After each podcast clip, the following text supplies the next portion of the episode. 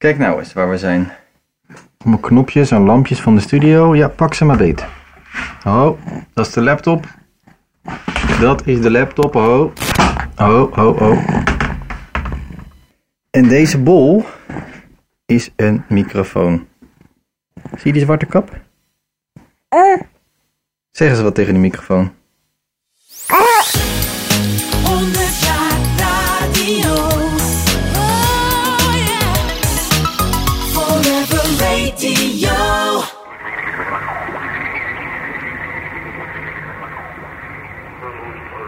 De radio in Nederland bestaat 100 jaar.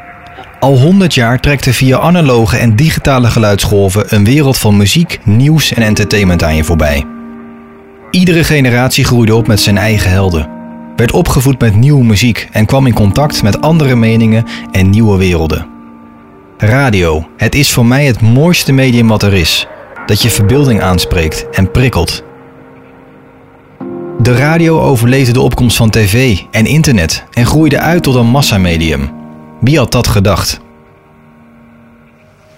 De radio vermaakt en ontroert tot op de dag van vandaag nog steeds wekelijks 13 miljoen Nederlanders. Uit liefde voor het medium radio ga ik, Herbert Codé, in deze vierdelige documentaire op zoek naar de geschiedenis en toekomst van de radio in Nederland door de ogen van de Founding Fathers. Wie zijn de Wizards? Zij die aan de basis stonden van de draadloze communicatie. Wie zijn degenen die anders dachten? De Crazy Ones, de Misfits, de Rebels, de Troublemakers.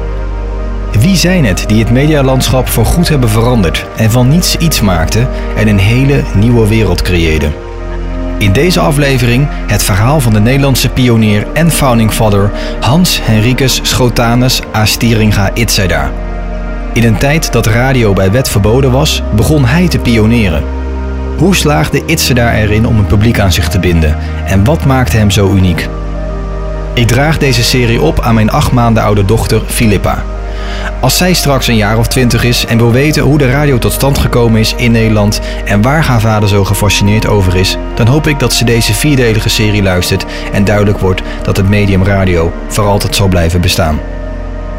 Dit is een ode aan de pioniers, de founding fathers van de radio. Welkom bij deel 1. Le tout sous la conduite du commentateur attitré de cette rubrique. favorite radio station in your favorite radio city, the city by the bay, the city that rocks, the city that never sleeps.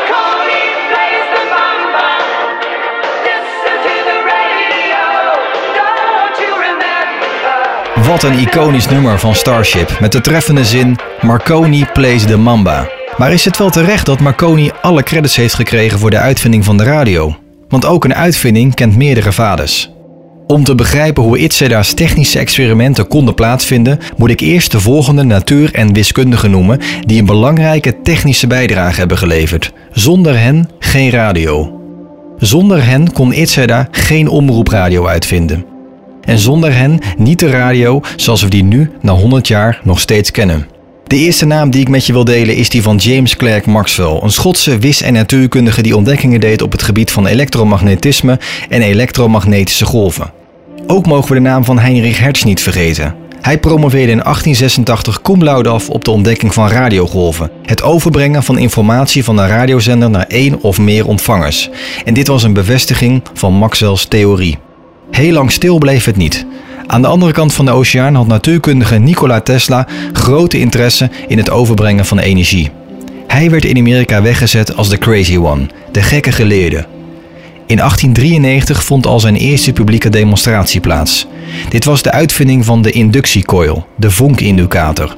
Dit is een hoogspanningstransformator voor het opwekken van elektrische spanningen van 100.000 volt of meer. Een bekendere naam is die van de jonge Italiaanse ingenieur Guglielmo Marconi. Ook hij experimenteerde met deze hertzgolven. Op 12 december 1901 overbrugde Marconi de Atlantische Oceaan met een draadloos overgeseind bericht via een eigen gebouwde zender van Engeland naar Newfoundland, Canada. Een bijzondere prestatie.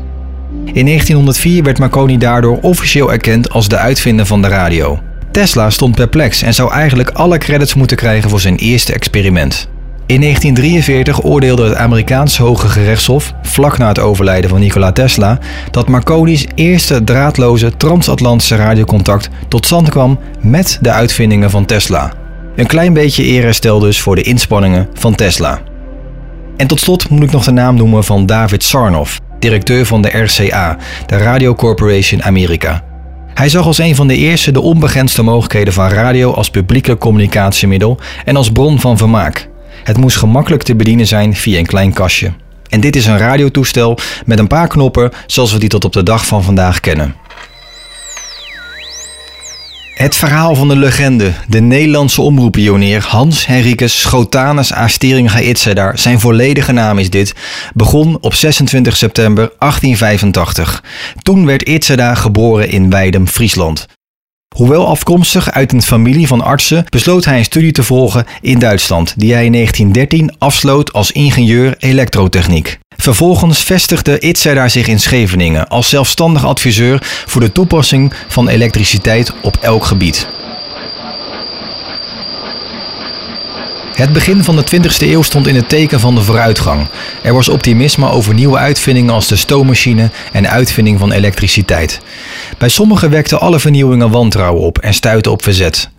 Maar al snel zag men in dat de uitvindingen een revolutie ontketenden en het alledaagse leven mooier en beter kon maken.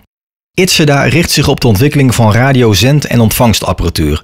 Met zijn eigen bedrijf onder de naam Technisch Bureau Wireless begint hij met de fabrikage van apparatuur, die hij onder meer leverde aan het Nederlandse leger. Tijdens de Eerste Wereldoorlog experimenteerde Itzeda al vanuit het huis van zijn schoonouders. Terwijl toen radio al bij wet verboden was, zeker in de Eerste Wereldoorlog, omdat je niet zomaar signalen mocht uitzenden of ontvangen zonder dat de overheid of het leger daarvan afwist, was Itzeda al bezig met eigenlijk iets illegaals en was hij al aan het pioneren. Hij vertelt hier meer over in een interview met Gustav Chop. Ja, vanaf 1913 en speciaal wel natuurlijk in 1914 in de mobilisatietijd. Voor het departement van Defensie, om het in het algemeen uit te drukken. Oh, juist. Dus u hebt, eh, laten we zo te zeggen, een, eh, een contraspionagedienst door de ether eh, ingericht. Nou, komt er een spionagedienst. Ja. u mag het zo beschouwen natuurlijk. Dat was het. tr- Trouwens, mijn afdeling niet, nietwaar? Dat was de militaire afdeling, wat die ermee beoogde en wat die ermee voor had. Eh, daar stond ik tenslotte buiten, want ik verzorgde alleen de technische gedeelte. Ja, ja, ja. Maar de bedoeling was dan toch om bijvoorbeeld eh, eh, buitenlanders die hier ergens clandestien een zender hadden opgesteld, om die dan op te sporen. Hè? Ja, zo'n bijvoorbeeld in, in het laatst van de oorlog, toen de Duitsers hoofdzakelijk in de linie in België uitgezet hadden, vonden wij Engelse spionenstations in Noord-Brabant. Achter de Duitse linie als het ware, nietwaar? Ja. En die werden dan gepeild met die radiorichtingzoekers. En dan eenvoudig, als ze gevonden waren, opgeruimd. En zijn er vaak gevonden? Er zijn er meerdere gevonden. En wat ook aardig was, is bijvoorbeeld de, de Zeppelins, die vlogen van Hamburg uit, in elk geval van daar in het noordwesten van Duitsland, naar Engeland om Londen te bombarderen. En dan werden ze op de radiorichtingzoekers gepeild waar ze zich op bepaalde uren bevonden. Bijzonder wat Itza daar dus heeft betekend ook voor het leger met zelfgebouwde radiozoekers. Hij was dus al actief eigenlijk in de Eerste Wereldoorlog. Ook in de Tweede Wereldoorlog komt Itzeda in aanraking met het leger. Hoe dat verhaal afloopt, dat hoor je aan het einde van deze aflevering. Itzeda's investeringen en ontwikkelingen in nieuwe technieken gaan onverminderd door. Begin februari 1919 is er een bijzonder moment voor Itzeda. In de jaarbeurs in Utrecht vindt een evenement plaats waarbij leveranciers van zend- en ontvangstapparatuur bij elkaar komen. Hier geeft Itzeda een demonstratie. Vanaf zijn stand op het Lucasbolwerk zendt Itzeda uit en 1200 meter verderop op de Philips stand op het Vreeburg wordt dit signaal ontvangen. Voor de bezoekers was dit een magische gewaarwording. Geluid kon zich via de eten verspreiden en was hoorbaar. Voor Itzeda was dit de normaalste zaak van de wereld. Wat een genie. Ja, meneer Itzada. Maar wat is dat nou eigenlijk wat we hier gehoord hebben? Dat is het eh, orgeltje wat gebruikt is bij de eerste radiotelefonie-uitzending voor de jaarbeurs in 1919 te Utrecht. Dus eh, dat wil zeggen dat het allereerste wat in Nederland door de radio geklonken heeft, dus de voorloper op alle programma's die wij en anderen op het ogenblik uitzenden, dat dat dit geweest is wat ik nu gehoord heb, die dollarprinsesin. En wat staat er nog meer op? Sch- Schatz, ik möchte gerne een automobiel om die geschiedene vrouw. Jonetje. Nou, dat is dan heel merkwaardig. Dus we hebben nu beleefd wat precies 20 jaar geleden, 1919, uitgezonden is. Joost. Is heel. En dat is zo'n muziekdoosje, de luisteraars kunnen het niet zien op het ogenblik. Het doosje is niet groter dan misschien 15 centimeter lang en, en een centimeter of 10 breed. En zou u het misschien nog even kunnen laten spelen, meneer? Het is misschien een beetje kinderlijk verlangen, maar het is toch werkelijk een bijzondere sensatie als je plotseling het eerste geluid tegenkomt dat door de radio is uitgezonden.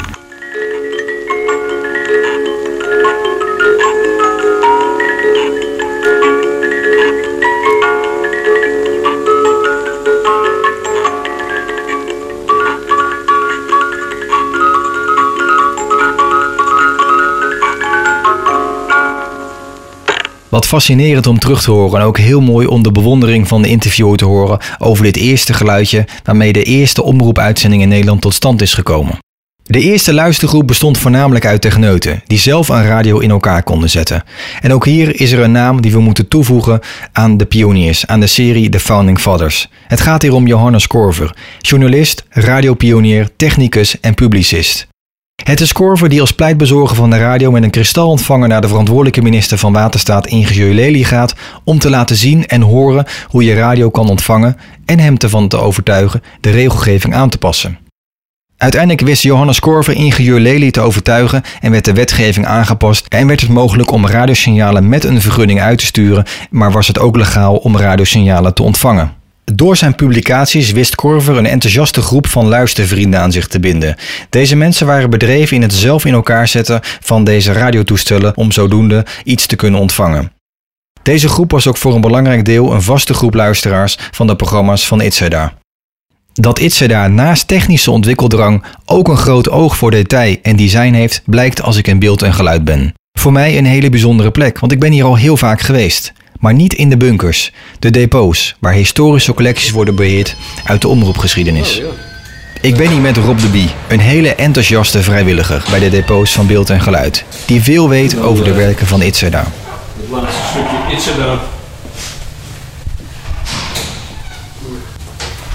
dit is een heel groot depot. Dit is wel.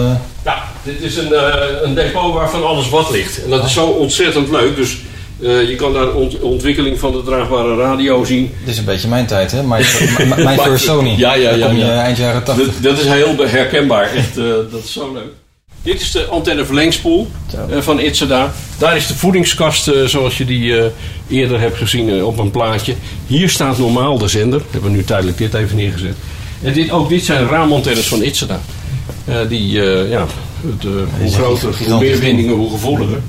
Dit heeft een doorsnee van 2 meter, deze antenne. Ja, en dit, dit is, eh, eh, dit is eh, echt heel leuk. En het is jammer dat er zoveel schade is. Eh, dit hing in zijn werkplaats. En je ziet de onderdeeltjes met een nummertje. Dus hij maakte een ontwerp en schreef er het nummertje bij. En dan wisten ze in de werkplaats hoe ze het moesten maken. Oh, daar heb ik dit voor nodig en dat voor nodig. En Je zit bij een stellage waar echt grotere apparaten staan, zie ik. Ja, Dit dit, is- dit, dit is wel radio's, maar ja, je ziet, eh, dit kun jij niet bedienen, ik ook niet. Nee. Eh, hier krijg je niet zomaar geluid uit, maar als je er verstand van had, dan. eh, dit, dit is een bijzonder toestel. Want dit is een toestel dat Itzeda gebruikte om zijn eigen radio-uitzending af te luisteren. Hè, van of het allemaal eh, goed te horen was. En, eh, Er zitten dus heel veel knoppen op, heel veel schakelaars. ja, ja, joh, om, het is. om, om het signaal te Ja, je, moet, je, had, eh, de- je moest de gloeistroom instellen, de anodespanning instellen, allerlei andere dingen waar ik eh, niks van weet. Eh, en dan moest je, eh, had je nog meerdere afstemkringen. Dus het was niet zoals de latere radio's, even zoeken in Hilversum klaar. Nee, je moest eerst eh, grof en dan moest je het fijn. En, ja, het was een hele tour om daar eh, geluid uit te krijgen. Maar hier nog even dat je een idee hebt van, eh, dit is een kristalontvanger van Itzeda, hoe mooi dat gemaakt is. Je ziet aan het hout al, hè? dus niet gewoon een plank erop, nee. Netjes ingelegd met ja, zwaluwstaart of weet ik hoe die dingen heten. En als je dan kijkt hoe het er binnen uitziet. En dan moet je ook even bedenken dat zo'n variometer moest hij dus zelf maken. En die, eh, er zijn blauwdrukken van, hebben, we- hebben in het archief. eh, van hoe, de- hoe dit eh, ding ontworpen is door hem. En, maar dit ook, afstemcondensatoren. Moet je zien hoe prachtig dat, dat loopt. Wormwiel aandrijving. Ehm, hier zie je al twee afstemkringen. Kristalletjes werden aan de buitenkant. Dit ding vond je op schepen. Maar ook die spoelen hier moest hij allemaal zelf maken. Dus eh, dat inkopen van onderdelen, dat kwam pas later. Het was gewoon puur van, nou ja, wat eh, heb ik nodig om daar geluid uit te krijgen. Dit is ook iets daar overigens. Dit eh, was dan weer meer voor zij die het betalen konden in de huiskamer. Moet je zien hoe prachtig het eruit ziet. Dit is gewoon een hele mooie huiskamerkast. Ja. Een kast van eh, meter hoog. Ja, het is, het, is, het, is, het is fantastisch. Donker, donkerrood. Ja, en er, zit, eh, ja, ik, ik, er is een sleuteltje van, maar ik zal het nu niet doen. Maar je kan eh, vakjes, dingetjes, je kon er eh, dingen in kwijt. En ehm, ja, je ziet hoe mooi het gebouwd is. En ja, de, de opmerking die ik maakte, die mensen wel eens horen noemen: van ja, had het maar minder mooi gemaakt. Dan was het, nou, dan Maar was het nog misschien beter. In zo'n goede staat valt mij op.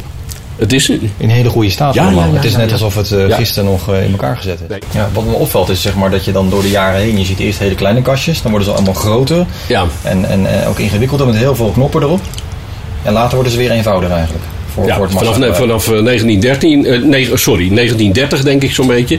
Dan zie je dat er opeens aandacht komt voor uiterlijk. Ja. Van eh, hoe ziet het eruit? En dat men zich ook bewust is van ja, maar je kan in de huiskamer toch niet van iemand vragen om dat ding af te regelen op Hilversum. Dus dan wordt er ook aandacht eh, besteed aan bedieningsgemak. Zoals je hoort had Itzeda een goed oog voor detail en afwerking. Daar ging heel veel tijd in zitten. En je hoorde Rob de opmerking net al maken. Er wordt wel eens gezegd, had Itzeda maar minder tijd besteed aan het mooi afwerken van zijn radio's, dan was het hem misschien zakelijk beter afgegaan.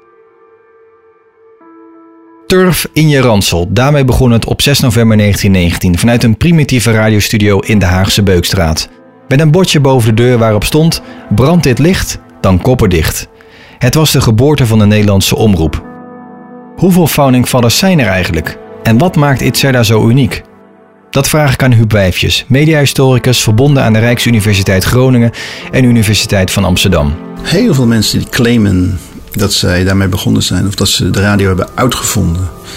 Ik heb eh, onderzoek nu afgerond en dus heb ik 27 vaders van de radio gevonden. In 27 verschillende landen. Die allemaal zeggen, wij hebben de radio uitgevonden of wij zijn het begin van de radio of wij zijn het eerste radiostation. En Nederland is een van die 27 met Itzerda, de man uit Den Haag, die eh, in 1919 begon met uitzending. Maar er zijn dus 27 andere. En die verwijzen allemaal ook naar eigenlijk iets anders. En dan, dan kan je het concluderen dat de radio, wat wij nu kennen als een medium, dat is feitelijk een ketentechnologie. Dat is niet één technologie. Dat is een, een keten van technologieën. Dus het begint met, met radiotelefonie, radiotelegrafie. Hè, telegrafie is met, met codes, maar wel draadloos. En, en radiotelefonie is, is continue spraak via dezelfde draadloze techniek. Maar daar kan je niet mee volstaan. Kijk, dat, dat zijn mensen als Marconi bijvoorbeeld, die daar al heel beroemd mee zijn geworden. Wordt ook gezien als vader van de radio. Hè. Maar eh, dat geluid wat je dan draadloos kan verzenden en dan ontvangen en weer hoorbaar kan maken, dat moet ook versterkt worden bijvoorbeeld. Ja, daar heb je versterkers voor nodig. Dat zijn radiolampen. Eh, en daar heb je ook microfoons voor nodig. En al die technologieën hebben allemaal mensen die daar pionierarbeid in hebben verricht. En wat maakt Itzerda zo uniek? Maar wat hem uniek maakt, ook wereldwijd, en daarom zeg ik het is Dutch claim to radio fame. Hè. Wij claimen 100 jaar radio is in Nederland begonnen. Dat wat hem uniek maakt, is dat hij die, al die technologieën toepast in een culturele vorm. In een radioprogramma.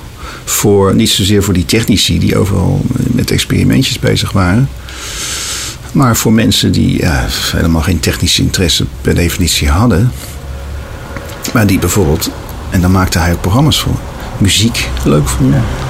Of die een toespraak leuk vonden. En toespraak dan niet over de radiotechniek, maar bijvoorbeeld over de politiek of over wat er gebeurde in de stad.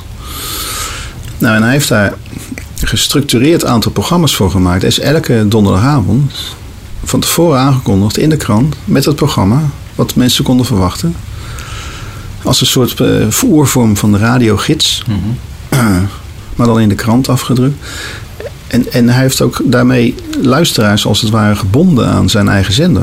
Daar had hij belang bij, want ja, dat was een commerciële man. Hij moest radio-onderdelen verkopen. Hij had een fabriek van radio-onderdelen. Dus hij moest hier zijn geld mee verdienen.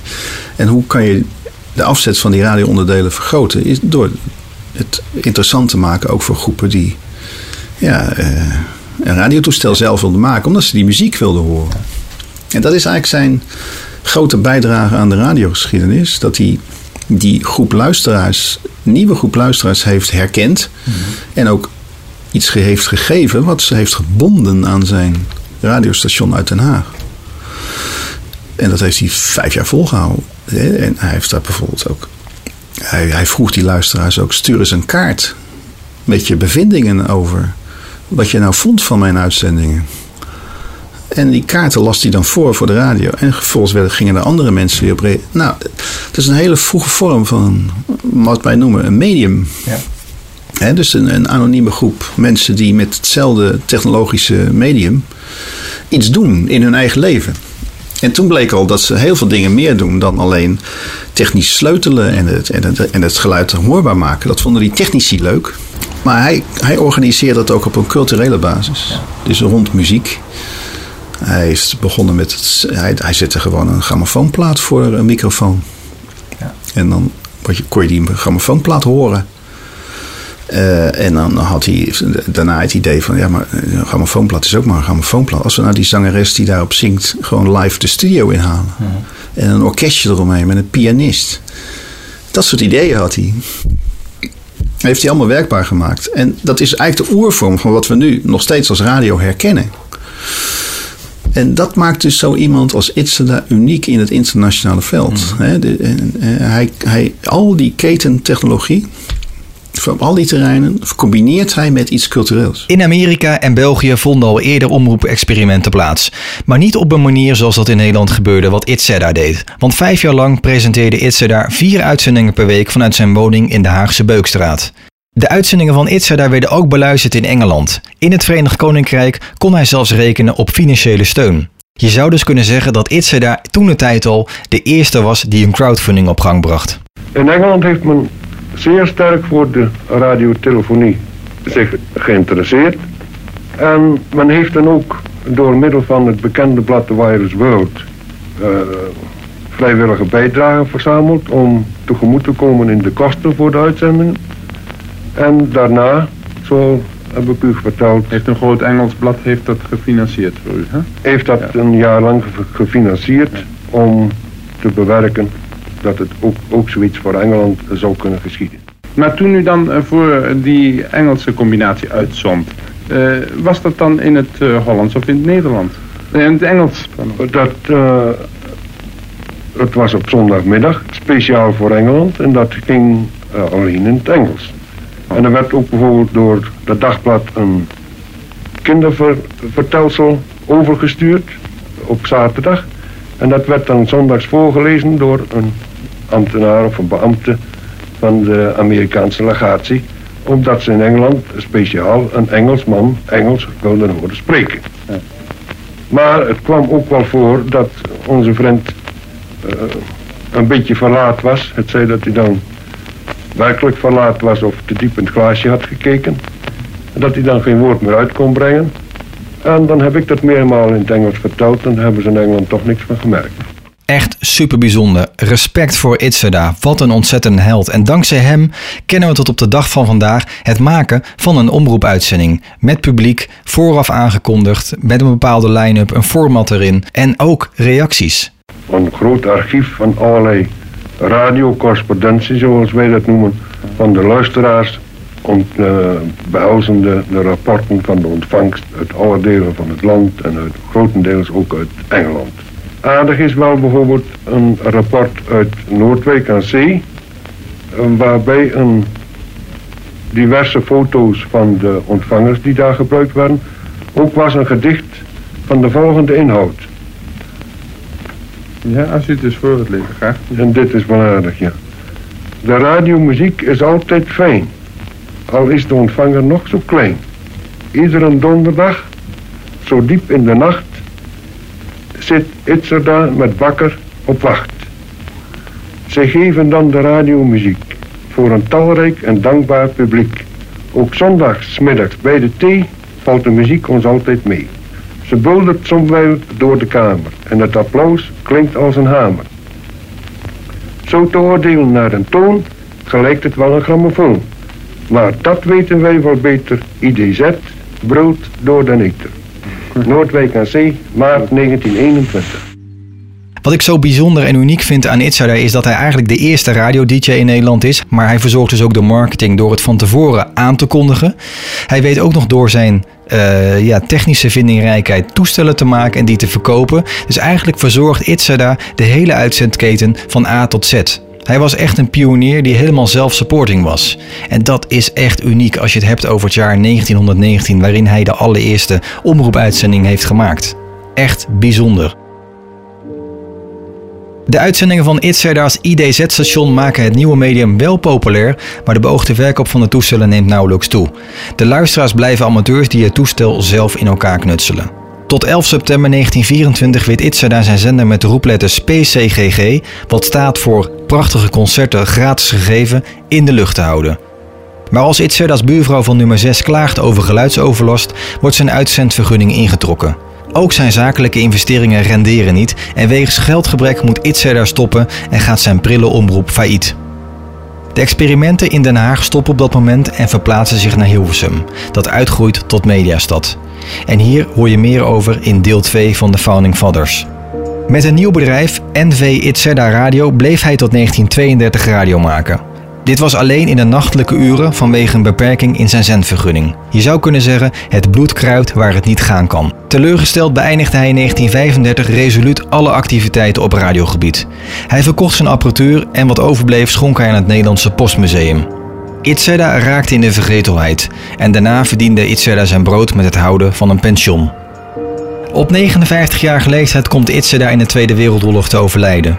Zijn wetenschappelijke nieuwsgierigheid zorgde ervoor dat hij bij Wassenaar in november 44 op zoek ging naar de restanten van een V2-raket die bij de lancering was geëxplodeerd. Hij werd betrapt door een Duitse legerpatrouille die hem wegstuurde. Maar Itzerda keerde terug en werd door diezelfde Duitsers opgepakt.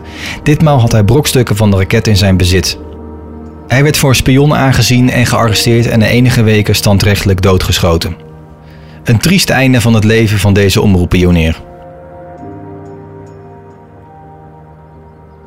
De magie van radio, het is zo bijzonder. Het is iets van alle tijden. In al die 100 jaar heeft dit een belangrijke rol gespeeld. Het is nu, het is direct, het is live. Het is verrassend, je weet niet wat je krijgt en je kan het tegelijkertijd met heel veel andere mensen ervaren. Het heeft impact, het brengt veel mensen op de been. Wat een bijzonder medium. Het ontroert, het vermaakt tot op de dag van vandaag nog steeds 13 miljoen Nederlanders. Wat een mooi medium. En wat hebben we toch ontzettend veel te danken aan de Nederlandse omroeppionier Itzeda. In de volgende aflevering het verhaal over hoe Hilversum uitgroeide tot mediastad. Dankzij Philips de radio voor de massa beschikbaar kwam en wat de invloed is geweest van de oorlog op de ontwikkeling van de radio. Deze podcast wordt mede mogelijk gemaakt door steun van Patreon supporters van de radiopodcast en de bedrijven Audiolane, Station 10, Plugbox, Omniplayer en de archieven van beeld en geluid.